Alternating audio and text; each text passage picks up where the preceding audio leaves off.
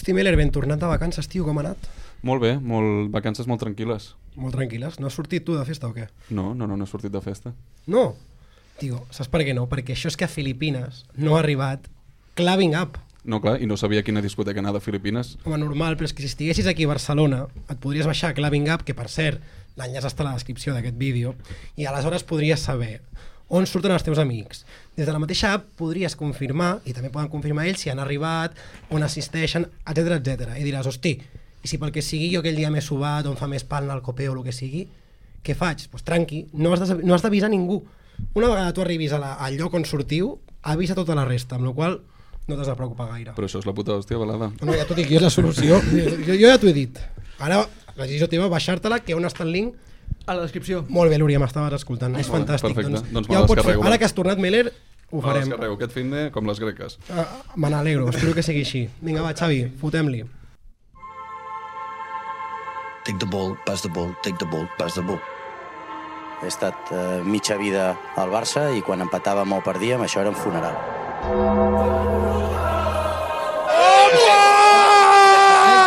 Tete, molestes. Desobediència Cruifista, un podcast d'extrems oberts i de pressió alta.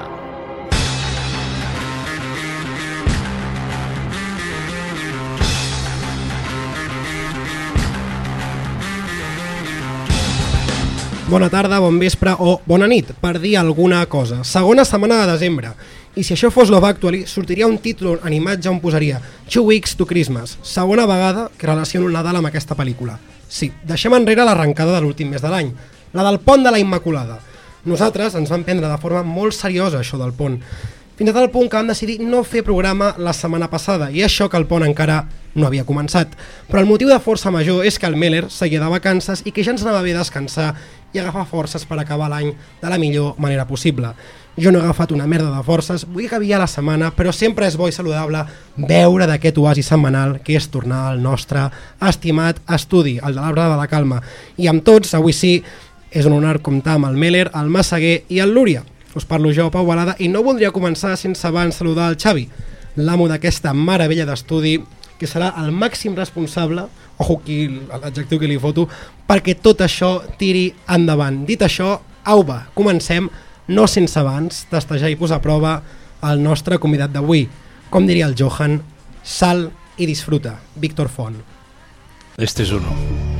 Benvinguts al Centre d'Anàlisi Psicotecnofutbolístic de Desobediència Cruifista. L'espai on tractarem de conèixer les conductes i emocions de la persona que avui ens acompanya envers el món del futbol.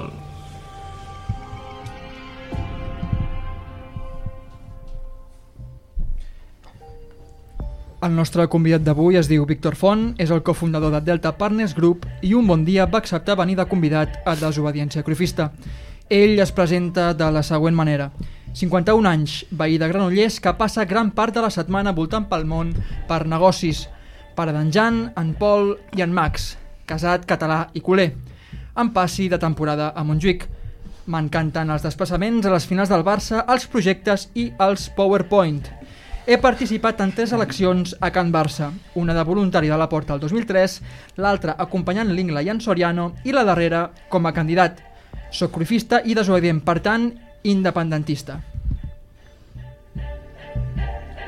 Comença el test, Víctor. Quin és el teu primer record relacionat amb el Barça? La final de Basilea. En algun moment de la darrera campanya electoral et vas veure el clar favorit per guanyar les eleccions? Abans de que comencés la, la precampanya, la campanya i tot plegat. I en quin moment... En algun moment creus que això canvia i no et sents favorit? Sí, En quin moment? eh, molt al principi, mm, perquè vam fer una enquesta i de seguida vam veure que si el Jan es presentava, eh, ell representava el que el soci volia, que era l'antítesi de Bartomeu i Sandro i companyia. En relació a això, si poguessis tornar al passat, què haguessis modificat de la teva campanya electoral? Aconseguir convèncer el Jan que no es presentés, que ara tocava passar pàgina del règim del 2003. El 5 d'agost de 2021, la Porta es va trobar que no podia inscriure a Messi.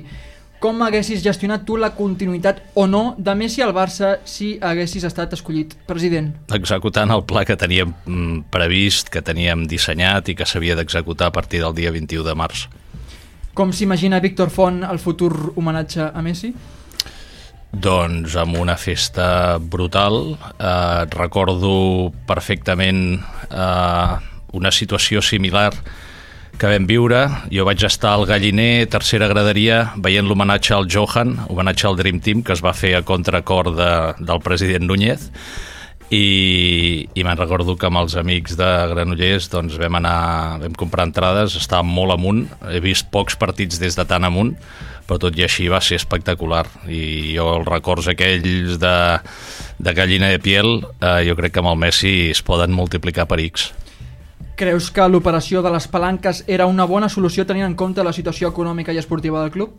Com a solució estructural, sí, i no és palanques, és bàsicament donar entrada a segons quins negocis del club, a socis industrials que et permetin fer créixer el negoci. Fet com s'ha fet, a darrer minut, en comptes d'amb socis industrials, doncs amb un amic que passa per allà, doncs òbviament no és la manera de, de, de fer-ho. Víctor, el club ha de ser 100% del soci? Sí, 100%. Puntua de l'1 al 10 els dos anys que porta Xavi com a entrenador del Barça. Uh, jo li poso uns, un 7. Puntua de l'1 al 10 l'últim mandat de la porta.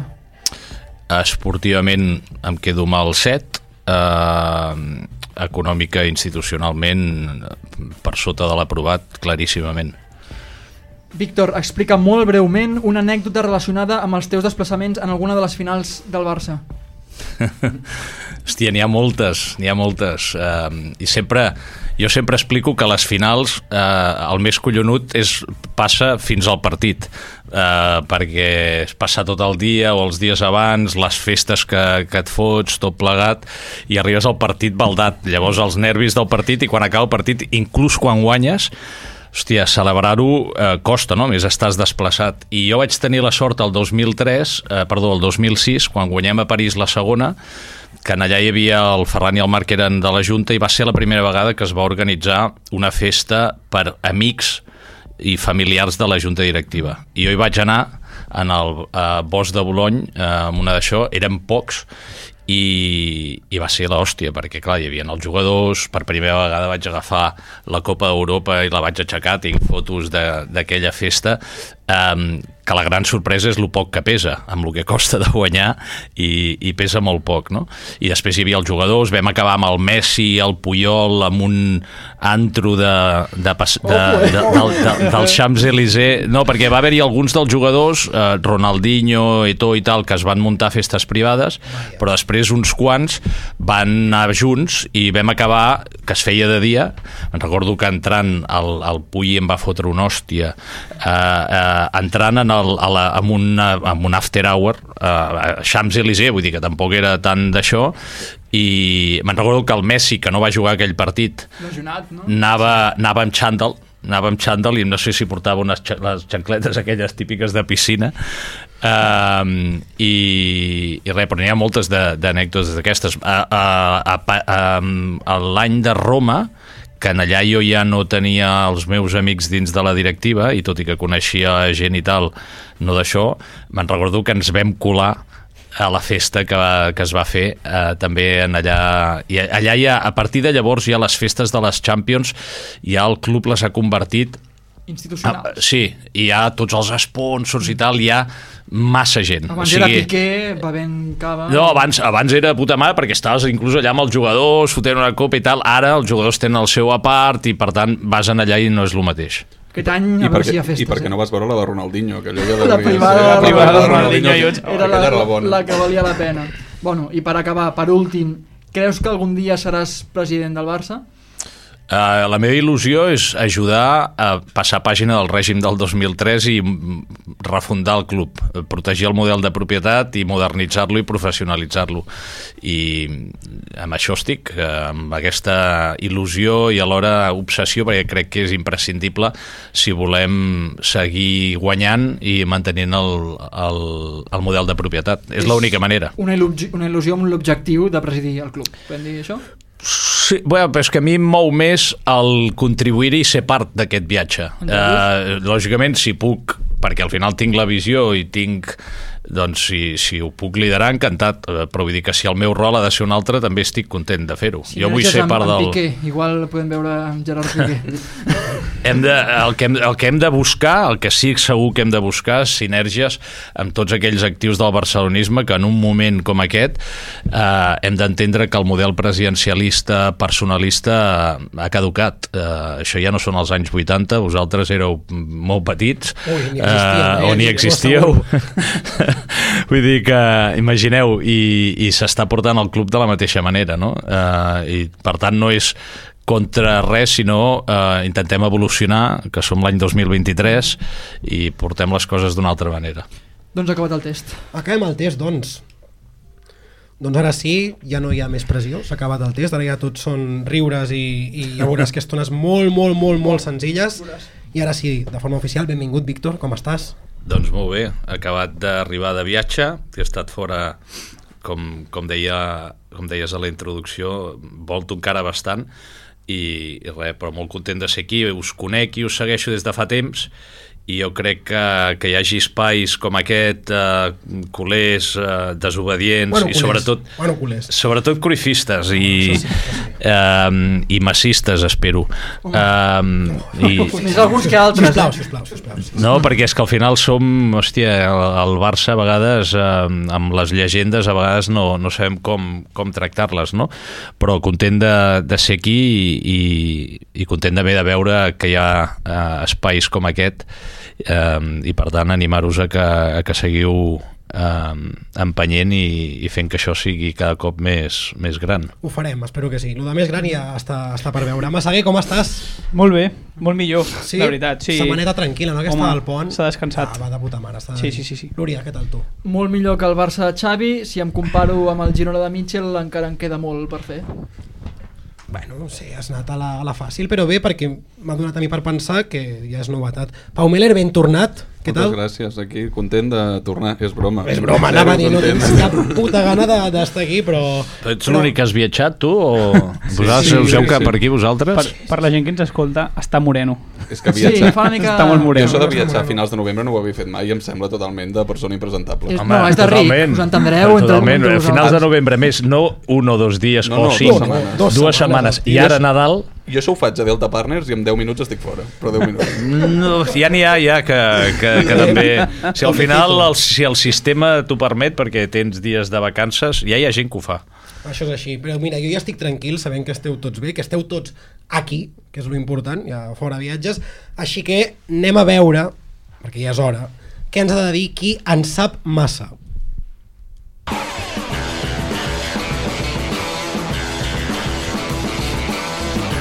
Vinga, Massaguer, comencem. El millor de la setmana.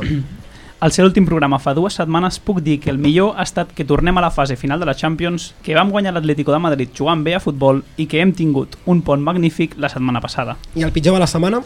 El resultat d'ahir a la nit, a l'estar a 7 punts del liderat i el trencament de lligaments de Marta Díaz han estat el pitjor dels últims dies. El tuit de la setmana. Sens dubte el vídeo de l'equip de bàsquet del Girona que ha classificat per la minicopa, recital de l'entrenador Jordi Pou. Us demano que, si no ho heu fet, perdeu dos minuts de la vostra vida en buscar-lo i veieu-lo. Per mi és i representa tot el que ha de ser un entrenador de base en qualsevol esport i ho fa tot en català. Prenc nota i ho faré. El pallasso de la setmana és... Avui va per aquells culers que diuen que no els importa que guanyi el Girona, que si guanyen la Lliga no passa res. Per mi són uns pallassos perquè ni són del Barça ni són del Girona. El que són és un venuts, uns venuts al resultat. I per acabar, l'MVP de la setmana. L'MVP és tota aquella persona que aquest pont no ha anat a Valtorens ni de viatge i ha aguantat la turra dels stories pertinents de cada any. Vosaltres sou els veritables MVPs d'aquesta setmana. Doncs moltes gràcies per colar-me aquí dintre. Eh, fet el repàs, com ja és habitual, anem a continuar amb la tertúlia.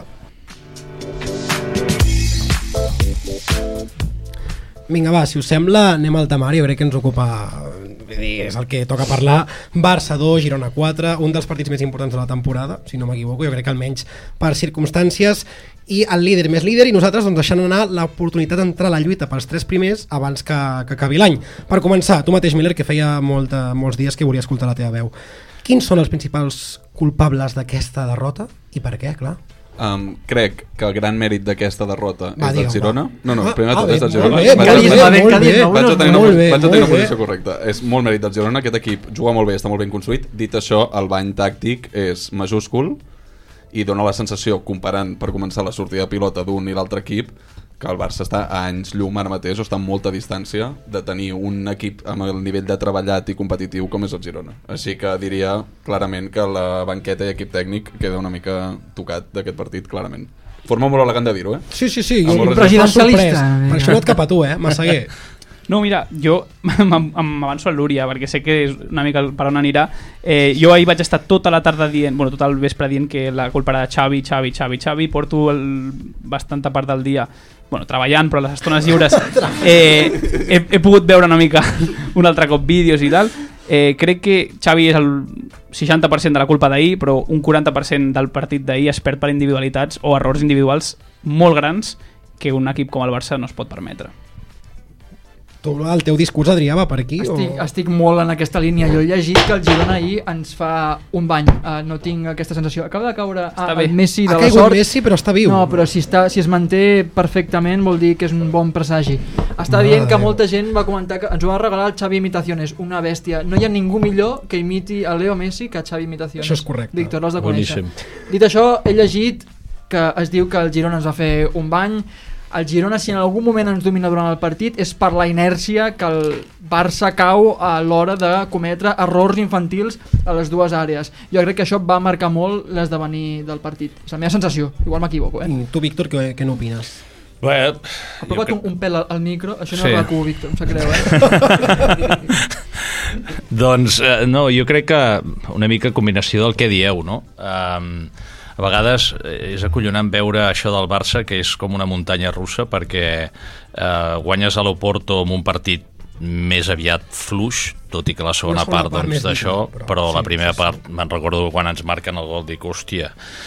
Um, I després juguem contra l'Atleti de Madrid, un partit molt seriós i sembla doncs, que, que bueno, estem a dalt de tot un altre cop i que ja hem superat, hem donat la tecla i ahir un altre cop un, un bany de, de realitat en el sentit de que jo crec que ell es juga millor que per exemple el dia de l'Oporto um, però al final tens davant un equip uh, sòlid, uh, un equip uh, que sap el que juga i que a més té també la sort uh, o l'encert, perquè al final no és un tema de sort, de ser eficaç i, i això és molt resultadista aquest món. Uh, i ahir mateix si Lewandowski aquell cop d'orella o cop de- d'espatlla. de, que fa uh, entra dins jo crec que avui estaríem parlant del mateix partit d'una altra manera, o remuntada tal, i estem allà, etc etc.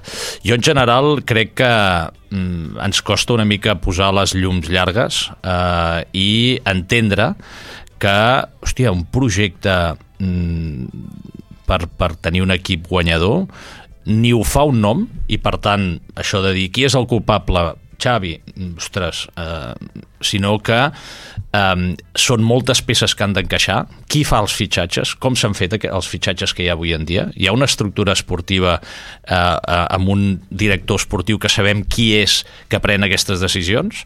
Perquè tot això va començar que teníem en el Mateu Alemany, no se sabia el Jordi Cruyff, primer no hi era, després va venir, es va ser eh, scout internacional, eh, que deies, hòstia, què, què fa el Jordi Cruyff? De repent el Jordi Cruyff sembla que s'acosta en el Mateu Alemany, però després eh, ja el Jordi Cruyff diu que vol marxar, marxa, eh, el Deco que ja estava per allà donant voltes, després hi ha el president, hi ha els agents que són amics del president, o sigui, és tot com molt complex i, i difícil d'entendre, no? I torno al que jo sempre dic, i jo crec que l'exemple del Girona és un bon exemple. En allà tens un Quique Cárcel que la propietat i els que van en el club aposten amb ell, és la persona que defineix la política esportiva del club i aquesta persona és la responsable de posar l'entrenador i de que els fitxatges es facin. Si fessin bé les coses, és a dir, si tinguéssim una estructura sòlida, amb unes apostes clares, amb una presa de decisions clara, amb responsabilitats clares, jo crec que els resultats vindrien. I el problema que tenim és que com que tot això és tan resultadista, estem cada setmana, ara doncs si guanyem a Mestalla i fem un bon resultat dimarts, doncs potser ja estem un altre... Bueno, això ja eh, veiem la llum una altra vegada. I no pot ser. Hem de fer les coses bé d'arrel eh, per assegurar que al final els resultats venen. Però deies que la planificació esportiva, en, en el test, deies que segurament era la millor arma de la porta de, del seu mandat o el que millor havia fet fins Ah. al moment. Quan va acabar el mercat, que, què n'opinaves tu del tancament de mercat de fitxatges? Quina, teníem millor plantilla que l'any anterior? Les operacions eren bones? Sí, jo crec que tenim millor plantilla que l'any anterior. També penso que eh, estem en aquesta necessitat del relat de l'hem tornat i, Però això el Xavi és còmplice. Oh, 100%, 100%. És que el Xavi i el Laporta en aquest sentit són clavats. Mhm. Veus un got amb un ditet d'aigua i només es centren en la part d'aigua que hi ha en el got, és a dir, són persones optimistes de mena. Mhm. Però jo crec que la gestió de les expectatives en aquests darrers anys s'està fent fatal. I crec que mm, la plantilla que tenim, que ens venen com el superplantillot Tampoc eh, jo penso que hi ha jugadors que estan ja començant la darrera fase de la seva carrera i que potser haurien de plantejar-se anar a competir en lligues o en competicions més exige menys exigents. Hi ha jugadors que no els vols. Hi ha jugadors Posa-la al teu avió. Víctor, hi ha, posa-la al teu hi ha avió. jugadors que no, que no, que hi ha Sí, jugadors eh? que no els vol ningú i que per nosaltres ara sembla que haguem fitxat eh, el Haaland i el Messi en la Qui segona no vol època. ningú? Qui no vol ningú? Roque eh? o Qui és el nom? Lewandowski? No, no, no. Els, No, els, els, els, Joaos. els Joaos, Els Joaos, arriben aquí l'últim dia arriben aquí l'últim dia quan eh, el, a, a Can City no volen ni veure amb un entrenament a Joao Cancelo el Bayern de Múnich que el té cedit l'any passat i que el podia quedar no? després ho veu Però i ni s'ho context és planteja diferent, perquè ells tenen un, li, una liquiditat econòmica per fitxar a qui vulguin i poden prescindir del Cancelo. Sí. Per això. Però precisament... Futbolísticament, el Cancelo el pots aprofitar si està centrat una temporada. però- però, però, però, però, mira, però és que ja ho has dit, has posat un condicional. Sí, sí, sí, està si centrat. està centrat. I no jo no està. sé si és una persona, perquè és una mica... És, no, no, és, és una... O sigui, és imprevisible. Els dos Totalment, Joaos els és un dia... sí. Uh, veus que el Joao Fèlix té talent, però evidentment no té aquella regularitat uh, que, Prefereixo que, que un Joao imprescindible, eh, irregular que un Rafinha regular en la mediocritat. Va, aquesta és l'altra, clar, que hem fet no, dos fitxatges, que qui els fa? Qui pren la decisió de fitxar Ferran, eh, Rafinha, et gastes Ferran ens ens va vincular al 150 City- al milions. sector City, eh? 150... No, no, no. No, però això el demana- aquí, el aquí no cola ningú. eh? O sigui, aquí, 50 milions. Però aquí no cola ningú. O Tant sigui, Barça no nosaltres, seran, eh? aviam, nosaltres som el Barça i les decisions les prenem nosaltres. Sí, que hi hagi gent que tingui interessos perquè nosaltres comprem o venem, tot el que vulgueu, però al final la decisió l'hem de prendre nosaltres. Mm. Però de nou, jo torno a on d'on sortíem. On és aquesta estructura que, per exemple, el 2003 teníem amb un Chiqui Begristain que era evident que era el Quique Cárcel de llavors i que va, va, per, va estar allà amb aquesta responsabilitat i amb un mandat claríssim des del 2003 al 2010. On és avui en dia això? No és. Uh, no, I a més és que és tot uh, fosc, canviant, ara Deco, que Deco no s'havia dedicat mai a això, que a més és amic soci del cunyat eh, del president, que el cunyat del president està tot el dia en el club fent gairebé de conseller delegat, però ningú sap en teoria no fa res perquè oficialment no hi és, és tot estrany. És tot, eh, llavors, en aquest entorn, ja sé que som els socis i els culers som molt de, hòstia, aviam què passa el diumenge i el resultat i tal, i si haguéssim guanyat ens hauria sigut tot Som igual. mira, Però, ja està, eh, ho som, i- a- agafar una mica de perspectiva no separar-se del micro perquè no estem a RAC1 però agafar una mica de perspectiva eh, jo crec que hem d'entre tots, i vosaltres que sou influencers del món Bueno, culer, no hòstia, saps tu, no ho tu. eh, hem de començar a fer que la gent entengui que o fem les coses ben fetes o no ens en sortirem. Però, Víctor, Tens el Víctor, laportista aquí callat, has de respondre tot això Aviam, perquè està sent un roast um, battle. Jo em vaig comprar la samarreta de Joao Fèlix el primer partit que va marcar un gol. Clar, Tot no dit, soc... Pues, pues jo em vaig comprar la del Memphis Depay. Oh, no, no, no, ens van no, vendre no, el Memphis. No, home, no. El que vull dir és que ens venien en el. Memphis. Quan va venir el Memphis, Però que era el, el Messi sí. Depay. A mi no me la van colar. A mi sí, a mi- a mi Hòstia, eh, A mi tampoc, Durant els primers dos partits, aquell gol que va fer contra la Real. Aquell contra el Bilbao, em sembla Amb que es va l'esquerra, fer un altre. I el túnel a Villarreal. Home, sí. Va fotre, però és Però això, no. foten dos o tres partits al començament eh, que, que, volen, molt- que volen fitxar ja en els Joaus, eh? Clar, jo el vull. Ja volen ja gastar-se els calés amb els Joaus, eh? Ja. Però i lo, bé, i lo bé que ho vam passar l'últim dia de mercat amb el Gerard Romero cridant com Home, un xiflat, portant els dos Joaus. Divertidíssim. Seguint-los per Barcelona. Visca l'entreteniment. Però és que Ah, el, això la cosa... Ara, Però amb un bon projecte tens a Haaland. Viure, eh, passant-ho bé el dia de l'últim dia de mercat o... Víctor, si ets president i ens fas el fitxatge el 15 de juliol ens avorrim un mes i mig. Aquí Ja, però quin- Ah, però ja farem 15 altres coses? Per distreure'ns. Però és que el problema, deies. la cosa és que jo crec que és, és la visceralitat amb la que ens prenem el club. A Anglaterra, el City, són molt menys... Eh,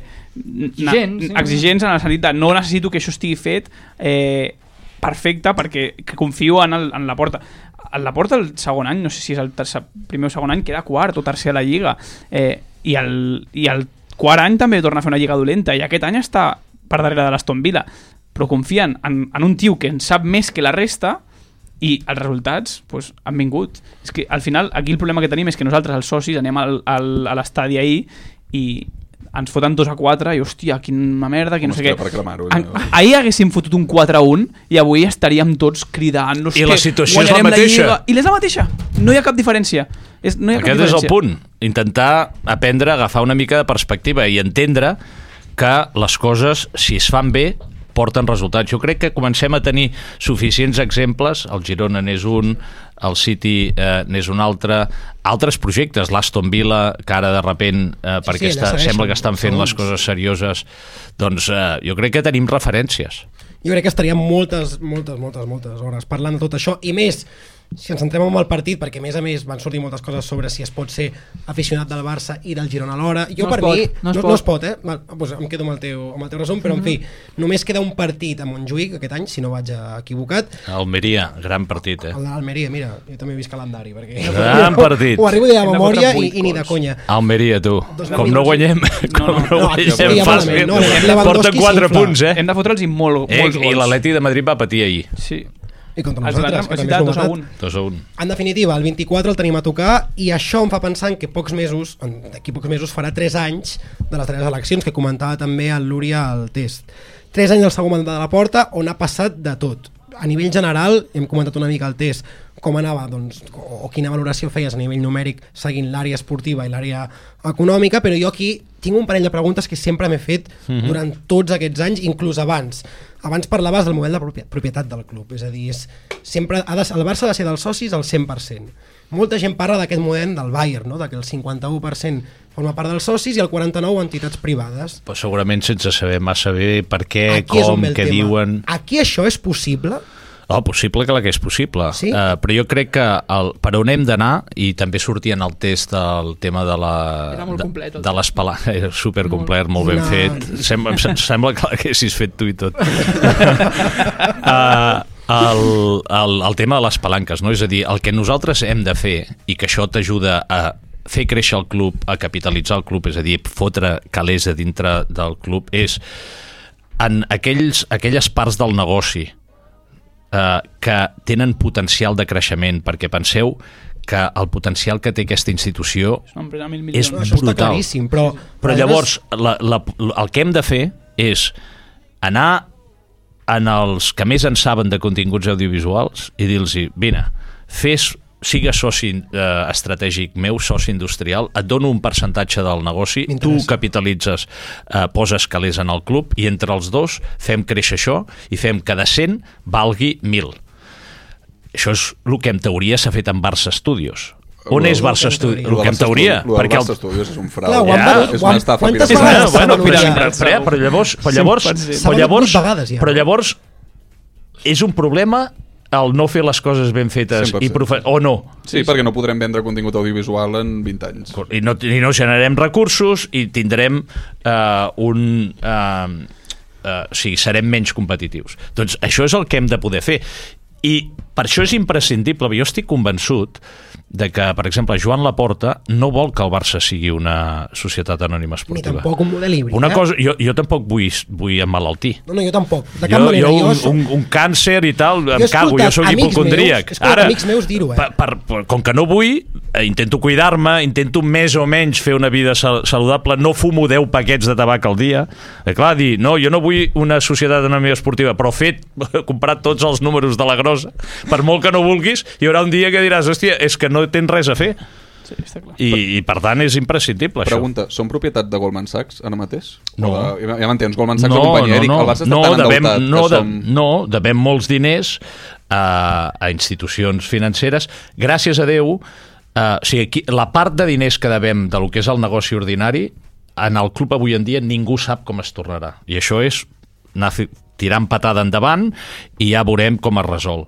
La gran sort és que l'altra meitat del deute, que és tota la part de l'estadi, doncs ha de venir, o sigui, s'ha de poder pagar amb tot el que generarà de l'estadi. El problema d'això, però, és que nosaltres no tindrem els ingressos que, per exemple, el Madrid tindrà de l'estadi, perquè ho haurem de fer servir tot per pagar el deute. Sí, sí. Els 400 milions anuals aquests que diuen del Bernabéu, nosaltres Correcte. per pagar Goldman Sachs. O sigui, cada any ells podran fitxar amb aquests diners mentre nosaltres durant els propers 25 anys no, no podrem fer. Tampoc sabem fitxar, eh, que sortim de la cantera perquè se'ns dona bastant, bastant malament. Mireu, jo no sé quin model de propietat tindríem, però el que sí que sé és que, Víctor, volem presidir el Barça amb tu.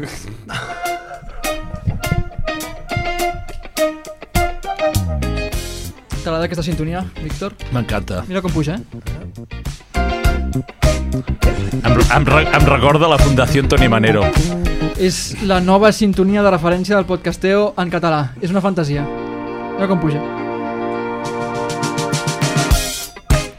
Ens podríem passar tota l'estona Tota escoltant aquesta sintonia, però com et deia, Víctor, volem presidir el Barça amb tu, baixem una miqueta, perquè de la mateixa manera que tots nosaltres portem a un entrenador a dins quan diem que Condé hauria de jugar sempre de lateral, sempre i quan no faci el partit que va fer ahir, que si no es pot quedar a casa, i de la mateixa manera que tots portem a un àrbitre a dins quan opinem que l'altre dia, per exemple, a Abde li van fer penal al Benito Villamarín, tots portem a un directiu a dins quan opinem sobre qüestions del Barça i, i el Tu club. què series, vicepresident esportiu? Això està per decidir. No, però per això, vull dir, per Jo entendre una mica... Ara, ara, jo ara- veig el Meller que- més de, de, de patrimoni. Clar, jo crec que, Nunyista. El caler, eh? Nunyista crec- total. Nunyista. crec que tots nosaltres eh, voldríem formar part d'un equip de govern per presidir el club. L'únic és que tenim dos inconvenients. El primer és que l'aval, que era qui, Ja no qui n'hi ha. tenia era el Meder, s'ho ha gastat tot a Filipines. Ja no n'hi ha. No Ah, ja, mira, ja està. Ja no hi ha s'ho gastat tot i el segon és que tenim un lideratge molt horitzontal. Llavors et tenim a tu perquè ens guis una mica el camí i la meva proposta és presentar-te els nostres perfils I jo, tu- jo us ubico. i, no, o, o diràs si t'encaixen o no pel Ah, teu vale, equip. Ens, vale. És una mena de, sincer, és eh, de que entrevista, si fa falta. I si veus una posició... Preparat. Sí, entrevista, entrevista de feina. Ah, Val? Veiem Vinga. no m'has fotut, eh, Adrià, tio. Si us sembla, comencem M'heu de passar els currículums per això. Total, Hòstia, ara te'n faig un, un breu resum. Comencem pel Pau Balada. Aviam. És la cara amable, el gendre modèlic que volen les mares i qui dispara a taula al dinar de Nadal. El principal però és que és dissenyador gràfic, llavors el dia que la porta desplegui una pancarta a Madrid, ell en tindrà preparada una altra per desplegar-la per sobre i fer-li un jaque mate i deixar-lo fora de joc. Mateix edifici, eh? Sí, jo m'he imaginat una imatge de Víctor Font fent una xilena amb Joan Laporta de porter i fotent el gol per l'esquadra. Llavors, el lema l'acabaries de decidir tu. Ah, això és cosa meva, Sí, eh? perquè ets el dissenyador gràfic. Tens raó, val? tens raó, segur El que- principal contra del Pau Balada és que no li agrada que li enviïn àudios. Es posa nerviós. Sí, m'ho val? I si duren més d'un minut, el sents Aquí bufar ja- des, de, des de casa seva. És que no ho feu, Llavors, no ho feu. no sé si t'encaixaria aquest perfil. Sí, jo crec, Pels que, àudios, po- sobretot. jo, jo crec que podem fer portaveu del club. Portaveu. M'agrada, No? m'agrada portaveu. Home. I tant. Sí o no? Sortir de la cara, a mi m'agrada, de portaveu. Balada portaveu. Tens cara. Balada No portaveu. fotis, si vols ja m'ho quedo jo, això, eh? És igual, És eh? que a mi m'agrada molt el Ja, tema de fer les comunicacions i tal. Eh? Continuem pel següent perfil. El Pau Meller és el de la veu greu, el de la mà forta, que paga un vermut i el que arregla una porta. És la seguretat, la planta o, com m'agrada a mi, el sabó a fer. Val? Eh, el principal pro del Pau Meller és que ha estudiat AD a ESADE. El principal contra és que Josep Maria Bartomeu també ha estudiat AD a ESADE. Bé, però Víctor Font també, vull dir que... Ah, bueno, llavors aquí està l'equilibri. Però el Meller és diferent. El Meller treballa a una plataforma de compra-venta de cotxes. Llavors podria estar una mica gestionant el tema del mercat perquè el Barça normalment ven per sota preu de mercat. Llavors el Meller domina molt el tema del mercat de cotxes, no sé si domina tant el mercat dels tractors per treure'n de sobre a Oriol Romeu. És una cosa, un objectiu que, que tindríem. Jo el Meller el posaria amb els números. Sí, no? Sí. No quadraran, però mira, ens ho passarem, ens ho passarem bé una estona, tu. Altres despeses. Tampoc quadren ara, vull dir Doncs que... problema, doncs no, no passa res, no anirem enrere. Exacte.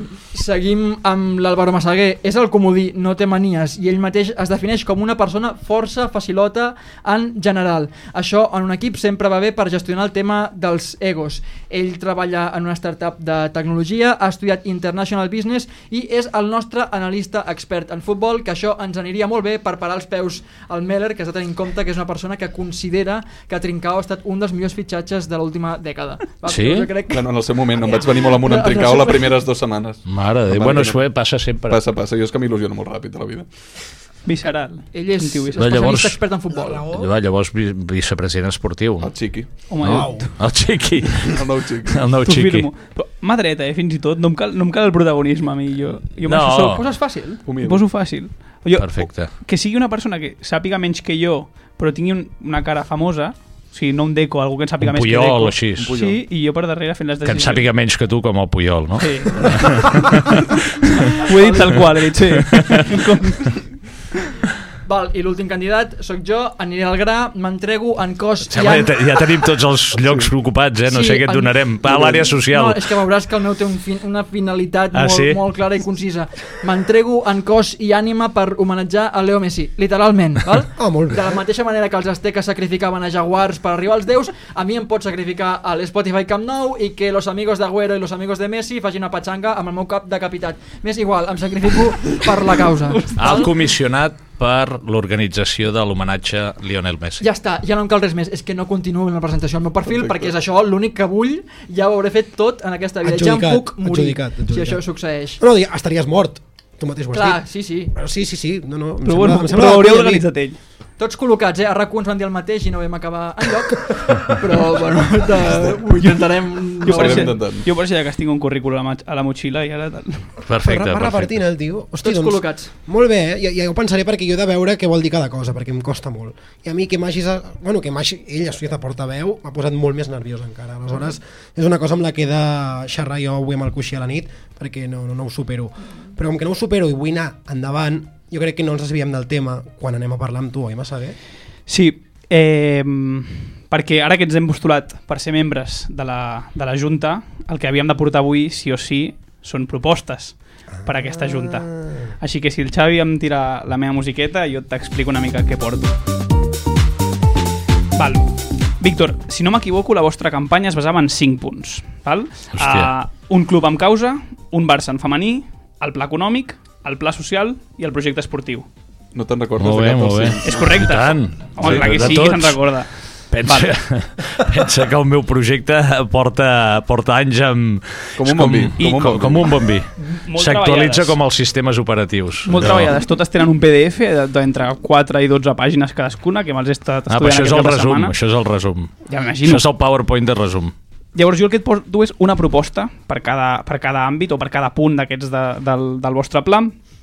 Començaré primer de tot amb ser un club amb causa. Vosaltres, una cosa que m'ha sorprès bastant però que m'ha agradat, és que dieu que la vostra visió és ser el club preferit dels nens. Això és Arreu del món, correcte. Ok. A mi em sembla, però, és una proposta magnífica, però em sembla que no aneu suficientment lluny. Em sembla que eh, us quedeu curts Ojo i vas, eh? el que jo, Atenció. Aviam, aviam, perquè m'estan venint jo- moltes idees al cap. El que jo proposo és crear el concepte d'escola Barça. Ah, bueno. Ah. No, és, no l'escola Futbol Club Barcelona, sinó escola Barça, que és una escola normal i corrent on s'estudien doncs, medis, socials, etc. A més a més, però, s'han d'estudiar tres assignatures obligatòries, que seran l'assignatura Leo Messi, que és l'estudi de la seva persona i la seva obra, Professor. geometria i matemàtiques, els triangles de Pep Guardiola, i quadrats de després Xavi. història del cruyffisme. Aquesta és la primera proposta que jo et porto. Ah, és que aquesta és boníssima. No sé què, què passarà amb el, amb el Ministeri de de- d'educació perquè si ja ens diuen que catala, catalanitzem en els nanos en aquí si fem això és de saber què ens diuen Una de les propostes Però- que anava a però posar provarem. era català obligatori encara que estiguessin a Sudan, les escoles Barça, però m'ha semblat una mica agosarat posar català.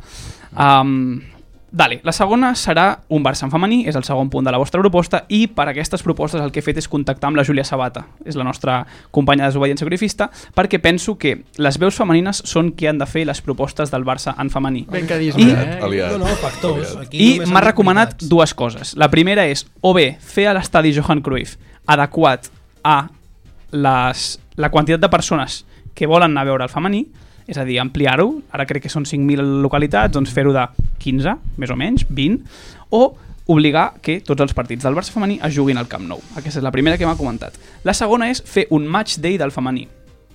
Igual que coneixem les intimitats del masculí, conèixer què passa dins del vestidor del femení, qui s'enfada amb qui, com viuen els partits, qui porta la veu cantant. Una Aitana El- contra Alexia, eh? Hòstia, les dues són molt bones. Són propostes interessants. La, suposo la, la segona és més fàcil d'executar perquè la primera eh, no sé ni si és viable des d'un punt de vista de l'espai Ja. eh, que hi ha al Johan eh, i jugant al Camp Nou jo crec que, que potser eh, per segons quins partits sense cap mena de dubte suposo que això ja es farà eh, i que ja serà però per eh, segons quins partits de Lliga també un Camp Nou mm, desengelat i que no estigui ple al final no sé si, si ajuda El problema és que és molt car d'obrir-lo. Ja és car no, obrir-lo no crec és que sigui un tema que econòmic, quedi jo crec que és un tema de... correcte, Que jo crec fred, que quedi fred, a, a part de que segur que també la despesa operativa és més gran, però jo penso que és més intentar donar a l'equip de, de tot l'ambient i, i de l'entorn eh, millor possible per, per tenir l'escalf la, i l'animació per poder guanyar. Ok, em, semblen, o sigui, em sembla coherent, però és veritat que el tema del match day és algo que es podria fer, és realista. Això seria, jo crec que ajudaria inclús a, en tot aquest apropament que hi ha i que cada cop eh, són personatges més coneguts, etc etc. jo crec que estaria molt bé. Pla econòmic. Hi ha molta informació, massa, per mi no hi arribo a tot, uh, però un dels vostres punts és tenir noves vies d'ingressos. Ho has comentat abans, um, i una d'elles és retail. És així? 100%. Vale. Per assolir objectius, eh, eh, doncs. Aquest any ha anat eh, tot el tema de BLM ha anat bé en termes relatius del que hi havia, però facturem 100 milions. Clar. Això és Llavors, res. no, no, em sembla és molt bo, retail? però llavors, retail? Un un segon, retail és... Que preguntis Sí, sí, tu dic- em dona una tranquil·litat que No, no, però flipa, retail, quan, quan parlem de retail al Barça, dient. De què parlem? No, parlem de, de tot el, tota la part de merchandising, de tot el De roba producte de vestir, llicenciat, de vestir que no tot el producte llicenciat. Eh, Perdoneu, he, he pensat molt. que la nostra audiència sabria el que és el retail. No, no, ho sé ni jo, eh, vull Vale, dir... disculpeu-me, és roba de vestir. Per Ah, assolir vestir. objectius ambiciosos s'han de tenir els millors professionals. Aleshores, jo porto dues alternatives pel tema del retail. La primera seria fitxar a Mancio Ortega. Crec que, que no Inditex... és, però és, és culer o és del Madrid? Té és pinta de ser el Madrid. de la Pot ser que no? sigui del Madrid, però Ja, però que no Inditex... fitxem. No, però home, que Inditex sigui partner del Barça Això sí. seria un puntazo. El Piqué estaria a favor. El de desigual, doncs, o la de desigual. No, Com sabia? No, no, no, no, no, no, no. Vale. O- o Com sabia? Ja dic jo per què no. Però com sabia que probablement a Mancio Ortega no us agradaria del tot, la meva segona proposta és contractar els dos xavals de Nude Project. Uf. Són dos xavals amb un estil més fresc, juvenil, potser no per tots els públics, però amb molt de tiró a xarxes No socials. sé qui m'agrada menys. doncs. I anem de Guatemala Si no són aquests dos, podem fer Emporio Isaac, Armani... Isaac o... Andic, de Mango. Ah, també. Aquest estava pensant. Aquest vale. Que no el tenies tu a Aquest la el tenia però no llista. l'he volgut dir perquè era pretensiós. vale, dos últimes. Vaig d'àgil. Com a pla social tenia unes propostes de fer o arribar a que, que fer que l'esport arribi a tothom, tenen posat eh, crear lligues d'esports, eh, Barça Gym... Jo, per mi, perdoneu, eh, però esteu, perdent, esteu perdent i esteu deixant passar una oportunitat històrica de crear el Futbol Club Barcelona, una discoteca per socis que vulguin anar a celebrar títols o pair derrotes als caps de setmana. A més a més, del pla social salves l'economia del club posant cubates a 15 euros amb gots del Barça reutilitzables. Boníssima. Penso, La millor de totes les propostes que has fet. penso que pla social, que millor que I, Futbol I no Club hi ha. DNI, hi ha carnet de soci. Carnet de soci. Bueno. Bueno. Només socis, llavors, ojo aquí, eh? Sí, sí, però No, no, com més ingressem millor, que entri tothom, welcome, no vull dir la Welcome, seva paraula. però welcome què? Compte aquí. Per mi només Welcome. socis. Welcome. Però els socis es gastaran els el 15 Frankfurt, euros. també els del Frankfurt, la qüestió és ingressar, tio, que estem en hores baixes. Vale, i aquí projecte esportiu. Aquí sí que és la, la més seriosa de les cinc propostes. Penso que les eh, seccions són extremadament deficitàries, són una part importantíssima del nostre club i com tu eh, defenses de manera eh, fèrrea, eh, el club és del soci, per tant, deixaria o faria un um, referèndum de com es vol que siguin les seccions, si es volen mantenir, si no, quines es volen mantenir, quines no, i si el que volem és tenir un equip de tots els esports eh, mig coneguts eh, aquí a Catalunya, que guanyi tot, però sigui deficitari o si per contra volem tenir equipets del Barça que representin el Barça però que almenys siguin a 0 euros. Em sembla magnífic, o sigui, el tema de... eh, I aquest és un molt bon exemple, no? Demanar l'opinió dels socis, saber quines són les preferències dels socis en temes tan capdals i centrals de lo que és la realitat d'un club com el Barça. Jo, òbviament, estaria disposat a fer aquest referèndum, defensaria a mort amb tots els arguments possibles del per què ser el millor club multiesportiu del món ens fa diferencials i per què hem de mantenir aquestes seccions i què hem de fer perquè no siguin deficitàries, però al final democràcia, fem el referèndum. Fins aquí les meves 5 propostes per la propera candidatura. Eh, bueno, eh, Doncs, doncs eh, jo crec que eh, ens hem de posar a treballar perquè si en poc temps es, has tret aquestes cinc eh, propostes jo crec que hi ha, hi ha Ja potencial et per passaré treure el- més. el- el meu currículum, si Correcte. Em la tinc una llista de veu. Víctor, tens 5-10 minuts o has de marxar amb els socis del, del Futbol Club Barcelona? Tinc dos minuts. Tens dos minuts. Què vols Ah, fer en doncs- dos minuts? En dos minuts potser toca... No, exacte, i ho expliquem aquí a, a l'audiència i, a la, i als oients, que això es veu i s'escolta, cosa que no deixa de sorprendre'm quan ja portem doncs, tres temporades. Ara farem un tall, toca despedir el Víctor, moltes gràcies per venir. Com has estat? Molt bé, se m'ha fet massa curt. No, no, nosaltres No hem parlat de res gairebé. Oi que no? Veus? Hem- Vol. Vols fer una declaració molt polèmica abans de marxar perquè sortim a l'esport i ajudar aquest projecte? Totalment gratuïta, exacte. si vols em baixo els pantalons i queda allà gravat. Sí, jo els explico o als me'ls Spotify. poso al cap. Això podria ajudar, segur. Això segur que ajudaria. En definitiva, ara farem un tall, la gent no podrà veure aquesta estona perquè quan tornem estarem amb, el, amb lo nostre un altre cop, però en definitiva, mil gràcies, Víctor. Bé, això, molt millor Sí. amb la samarreta de Messi. Explica quina samarreta porta el Cristiano Ronaldo.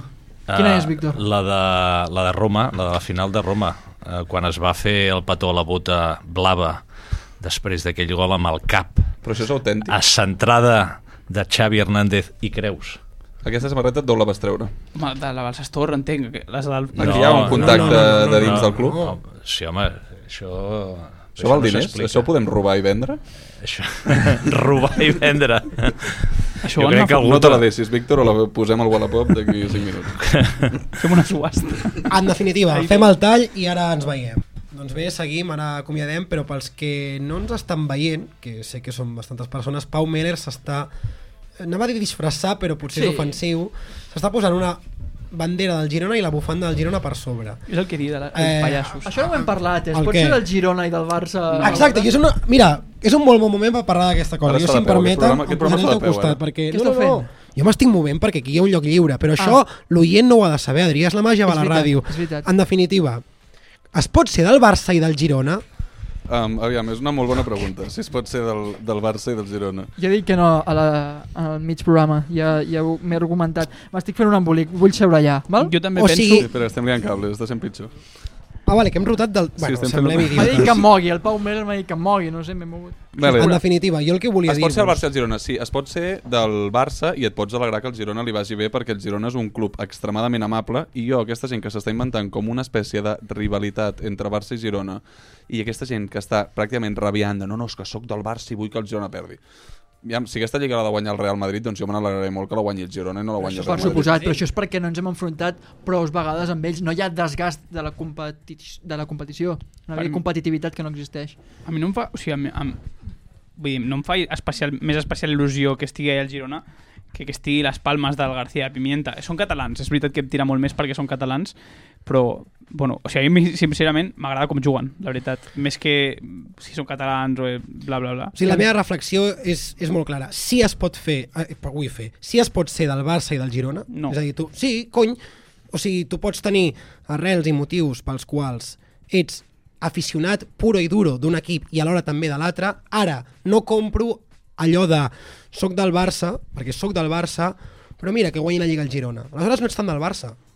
Home, si és en detriment del Madrid, sí. Però això és una altra cosa. Vale. Jo és el que dic. Jo voldré que la Lliga la guanyi el Girona quan el Barça ja no la pugui guanyar. I també hi ha un, hi ha un Doncs ja tema... D'aquí un, o- d'aquí dos o tres setmanes. Hòstia, Sí, que, sí, que... sí, sí, rima. hi ha un tema de la... Matemàticament ni així, no? Hi ha un tema de la república també a nivell polític. És De més què? fàcil simpatitzar amb el Què- Girona que no amb l'Espanyol. Què és la república? A és la nivell, de, a república? nivell de valors.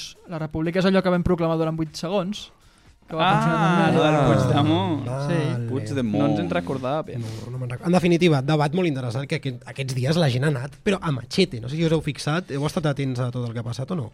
Bueno. Ho dic perquè ha pillat tothom aquí. Tothom. Sí, sí, una mica trist, tot plegat. M'encanta que diguis això amb la bufanda i la bandera de Girona. No se't pot prendre seriosament. No, exacte, de, de, de cap de les maneres. O sigui que, com que ja t'hem dit això, si tu ens vols Puc fer una explicar- pregunta ràpida? Ah, no, sí, sí, clar. El Gran Premi de Fórmula 1 de Madrid. Home, Què, què Home. n'opineu? Què n'opineu? Han borrat, han borrat les notícies del 324, perquè jo li vaig enviar un, una piulada al Norman de, oye, mira què està passant, que heavy, és una llàstima... Eh, Jo he llegit coses, ja. I, he llegit, o sigui, i avui he anat eh, a mirar els meus likes dels últims mesos i havia desaparegut la piulada aquesta de, del Madrid 2026. Teòricament l'anunci era imminent, no? Això sembla? Sí, però el circuit de Montmeló se'n va fora, eh? no Aquest exactament. Segons Merlos, conviuran durant diferents anys. Opa. Després, es diu que la FIA, això ho he llegit avui a Twitter, eh? la FIA, que és la Federació Internacional de l'Automòbil, pels que Sí. no, no ho saben, eh, no ha, diguéssim, no ha rebut el procés pel qual Madrid ha de ser un circuit de Fórmula 1 encara. És com el Mobile World Congress, una mica, no? Una mica igual. Una miqueta. Sí. El tema és el que... Però el que especula molta gent és que hi haurà la possibilitat de que hi hagi dos grans premis a Espanya. El de Barcelona i el de Madrid. Cosa que Això- a mi em sembla bé perquè així no es peta en Barcelona. Però això havia passat ja en València, amb, amb el circuit perquè urbà era aquell. el Gran Premi d'Europa. Ja, bueno, pues que, que el de Madrid es digui el de... Ah, no, perquè ara No, hi ha ja un no altre ha. que és el d'Europa, no? No, ja no el fan. Pues que es digui el de Madrid Gran Premi És que d'Europa. això s'ho van No, han dit, petar han dit que perquè... canviaran els noms i que aniran per ciutats. Gran Premi de Als Barcelona, Estats Gran Units n'hi ha tres, de fet. Qui ho decideix, això? La La FIA. Fórmula 1? La FIA, FIA. i el Fernando. són de fiar, eh? aquests? Sí, el Fernando. No, són la màfia, això és veritat. Vale. Felicitats a tots. M'ha agradat que diguis aquest tema perquè l'altra, la setmana, bueno, l'última setmana que va haver-hi programa es va defenestrar aquí a la, la Fórmula 1, però, però bé, en definitiva. Perquè no estava el Meller, es va fer. Ah, sí, la 33 d'Alonso, o què? Correcte, la 33 d'Alonso. Haurem d'esperar uns mesos més per gaudir-la. Arribarà el, el març, a l'abril? Arribarà Més cap al el juliol. març, març, març, abril, correcte. Jo dic el juny. Juny? Quants Juny. anys té? Ja té més de 33 anys, oi? Té 42. 42 anys. Ah, vale. que 33? Pues llavors no hi ha res. M'ha agradat aquest, aquest apunt de- d'automobilisme. Bueno, que un programa on entrevistes a Víctor Font i tens i parles de Fórmula 1. I que que tens tot, fer, bàsicament. I també parles de les vacances del Meller, Sí. o no? Correcte. Ah, sí? Avui he preparat aquesta secció, um, que és bàsicament, he aprofitat que he anat uh, de viatge a Filipines, on, per cert, he bussejat amb taurons, no sé si, Hòstia. si ho sabíeu. No, no, no ho, havíem, No ho ha dit, no ho no. havies penjat a Instagram He a bussejat Twitter. amb taurons i tinc una, un popular opinion, en aquest cas, que és um, que quan la, la dius molts cops la gent et mira malament o pensa que ets una persona com molt agressiva, molt radical, fins i tot violenta, que és bàsicament que un tauró és molt millor que un dofí. Aquesta és la meva un popular És que jo estic a favor del que dius. A Però mi em cauen molt malament els dofins, Però estem tio. més a prop dels dofins que dels taurons a nivell d'intel·ligència. És això el que es diu, no? Sí, però crec que el dofí està totalment sobrevalorat i la gent diu que és l'animal més intel·ligent del regne animal. Mm. Jo, sincerament, he anat a Marineland, aquest o Marinelana, com es digui, i jo no he vist mai un puto tauró fent saltets per agafar un aro. Saps? O sigui, realment és tan intel·ligent? Seria una persona amb necessitats especials, potser. Correcte. No, sí, això O seria. sigui, una mica la meva conclusió és que Flippy era un puto retardat. Aquesta és la meva conclusió. Ah, vale. Sí, però això, a part de que ho avalis tu, també ho avalen altres grans, grans còmics del país, o sigui que A mi el que em sembla heavy dels dofins és, és que són uns violadors. no s'ha entès el xiste. endavant, endavant, seguiu, seguiu. Saps què passa? Que no l'he escoltat activament i jo l'hauré d'escoltar. No, és que has dit Flippy i jo... Bueno, Ah, i has dit el de l'hormiguero, no? Sí, ah, està però- bé, està bé. Està bé, que també eren violadors. Com flueix. Vinga, la meva secció d'avui pot semblar un exercici de prepotència perquè el dia que portàvem a Víctor Font jo he pensat, jo vaig a parlar del meu viatge així que mira, millor que, no, que ja no hi sigui el Víctor perquè era totalment uh, prepotent aquesta secció. Dit això, li donaré una mica un format didàctic i Aviam. us presentaré què he après jo de viatjar i per tant, què us puc explicar d'aprendre a viure, d'aprendre a viatjar. Oh. Aprèn a viure i a no culpar. Avui, aprendre a viure, aprendre a viatjar. I qui millor que el Víctor Font, un Ah. tio amb hores de vol i que ha viatjat molt perquè ens ajudi a aquesta secció. Així que, si us plau, participeu-hi de forma activa. Com si fos. Exacte. Feu, feu veure que sou el Víctor Font. Vale, vale. Consell número 1 d'aprendre a viure, aprendre a viatjar. No marxis de vacances al novembre. Com? perquè marxar de vacances en ple de novembre és de persona totalment impresentable i suposa un problema a la teva estimada empresa.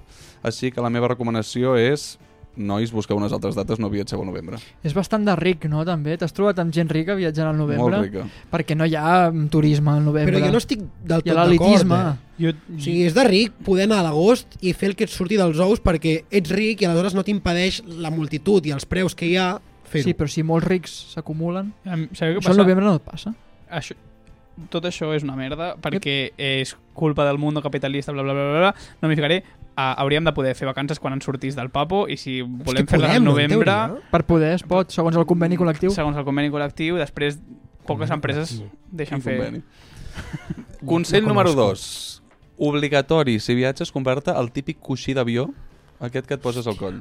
Jo l'he descobert ara, amb 26 anys d'edat, he portat per primera vegada coixí en un avió i he entès moltes coses. I l'antifàs, també, no, no, no, poc, Jo, poc que m'ha faltat. jo com a fent de Víctor Font, vale, no sóc l'Àlvaro, sóc el Víctor Fa Font, pinta també, de portar-ne, eh? també Té us, tota la pinta. Aquesta és la meva pregunta pel Víctor. recomano- Creieu, creieu que porta... no, no, us recomano també pagar els VIPs dels aeroports per descansar. Però si jo Jo dormo no tinc diners, sigui. jo prefereixo bueno, cansar però jo sóc el Víctor Font Jo ara mateix. pillo, jo pillo Ah, un banquito... Jo el meu dubte Bueno. era si el Víctor Font viatja amb coixí a l'avió o si és d'aquests que van business i que va tan estirat que no Tio. necessita el coixí. Ostres, me l'imagino amb el coixí llegint el diari per estar a prop de la població. No va, perquè jo- té aquest punt d'humil, no? Jo crec, crec que no va amb, amb, les, amb, amb el bitllet aquest de, del... El d'Etihad, que val 30.000 Aquest pavos. no, va amb això, però tampoc va amb el de 200. Jo crec que va a l'entremig aquest que, et pots, que tens com una habitacioneta per tu sol. Va pots fila est- d'emergència, no? Sí, que ets pots estirar una mica. Ah, tu que ets alt, Meller? Consell número 3. Efectivament. Si, si ets una persona alta, millor queda't a casa. Aquest és el meu consell. Hòstia, sí. Perquè quin puto patiment els avions, busos i trens viatjants és una agonia que no t'hi capen, no t'hi caben les cames quan ets alt. A Filipines són baixets? Sí, i ningú està fent manifestacions ni una marató de TV3 pels alts que no cabem en un avió. Sens dubte som una minoria oblidada, som la, major, la minoria doblegada. Som vale, ok. els avions doblegats. Tenim una lliga, eh, ja. Hi ha, quina és? La NBA. Bueno, vàries, les de bàsquet en Correcte. general. Home, Com fan els desplaçaments? Suposo que deu, deuen tenir les files Depèn més del- separades. depèn de la- no? Això va així, ho sabeu? hòstia, bona pregunta. Jo crec que pleguen, pleguen Mira, una de, fila. demà tinc una call, demà tinc una call amb Anthony Davis que m'ho expliqui, no et fot? Home, cabron. Solucions quan ets alt i estàs en un avió. 1. Pagar fila d'emergència. Aquesta és la que faig jo. La típica. Pagues una mica més, però tens fila d'emergència i pots estirar les cames. Molt recomanable. Opció 2, molt més arriscada, treure una cama pel passadís. Anava a pensar que anaves ir per la finestra i no em sobretot quadra. si estàs al mig i tens a l'esquerra una persona que no et coneixes. Treu la, la, la cama al passadís. I per què és molt perillós? I aquí us explico una anècdota que he viscut en aquest propi viatge, que és bàsicament jo estava a l'avió, fila d'emergència, al meu costat tenia passadís, i veig que una persona al meu costat del passadís ha decidit treure la cama. Ep. Portava aquesta persona coixí d'avió, antifàs... I Era estava... Víctor Font. No.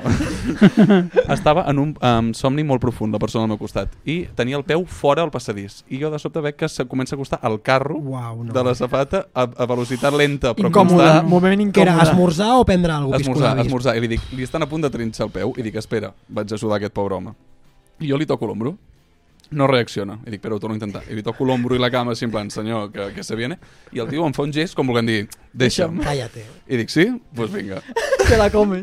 Amb mitjons anava, el- s'apropa al carro, li rebenta el No, no, no, carro, no, no. i jo veient-ho càmera lenta, i bàsicament pues, aquest senyor avui ha pres una lliçó, que és un altre dia estigues més atent. Però va fer un crit o alguna?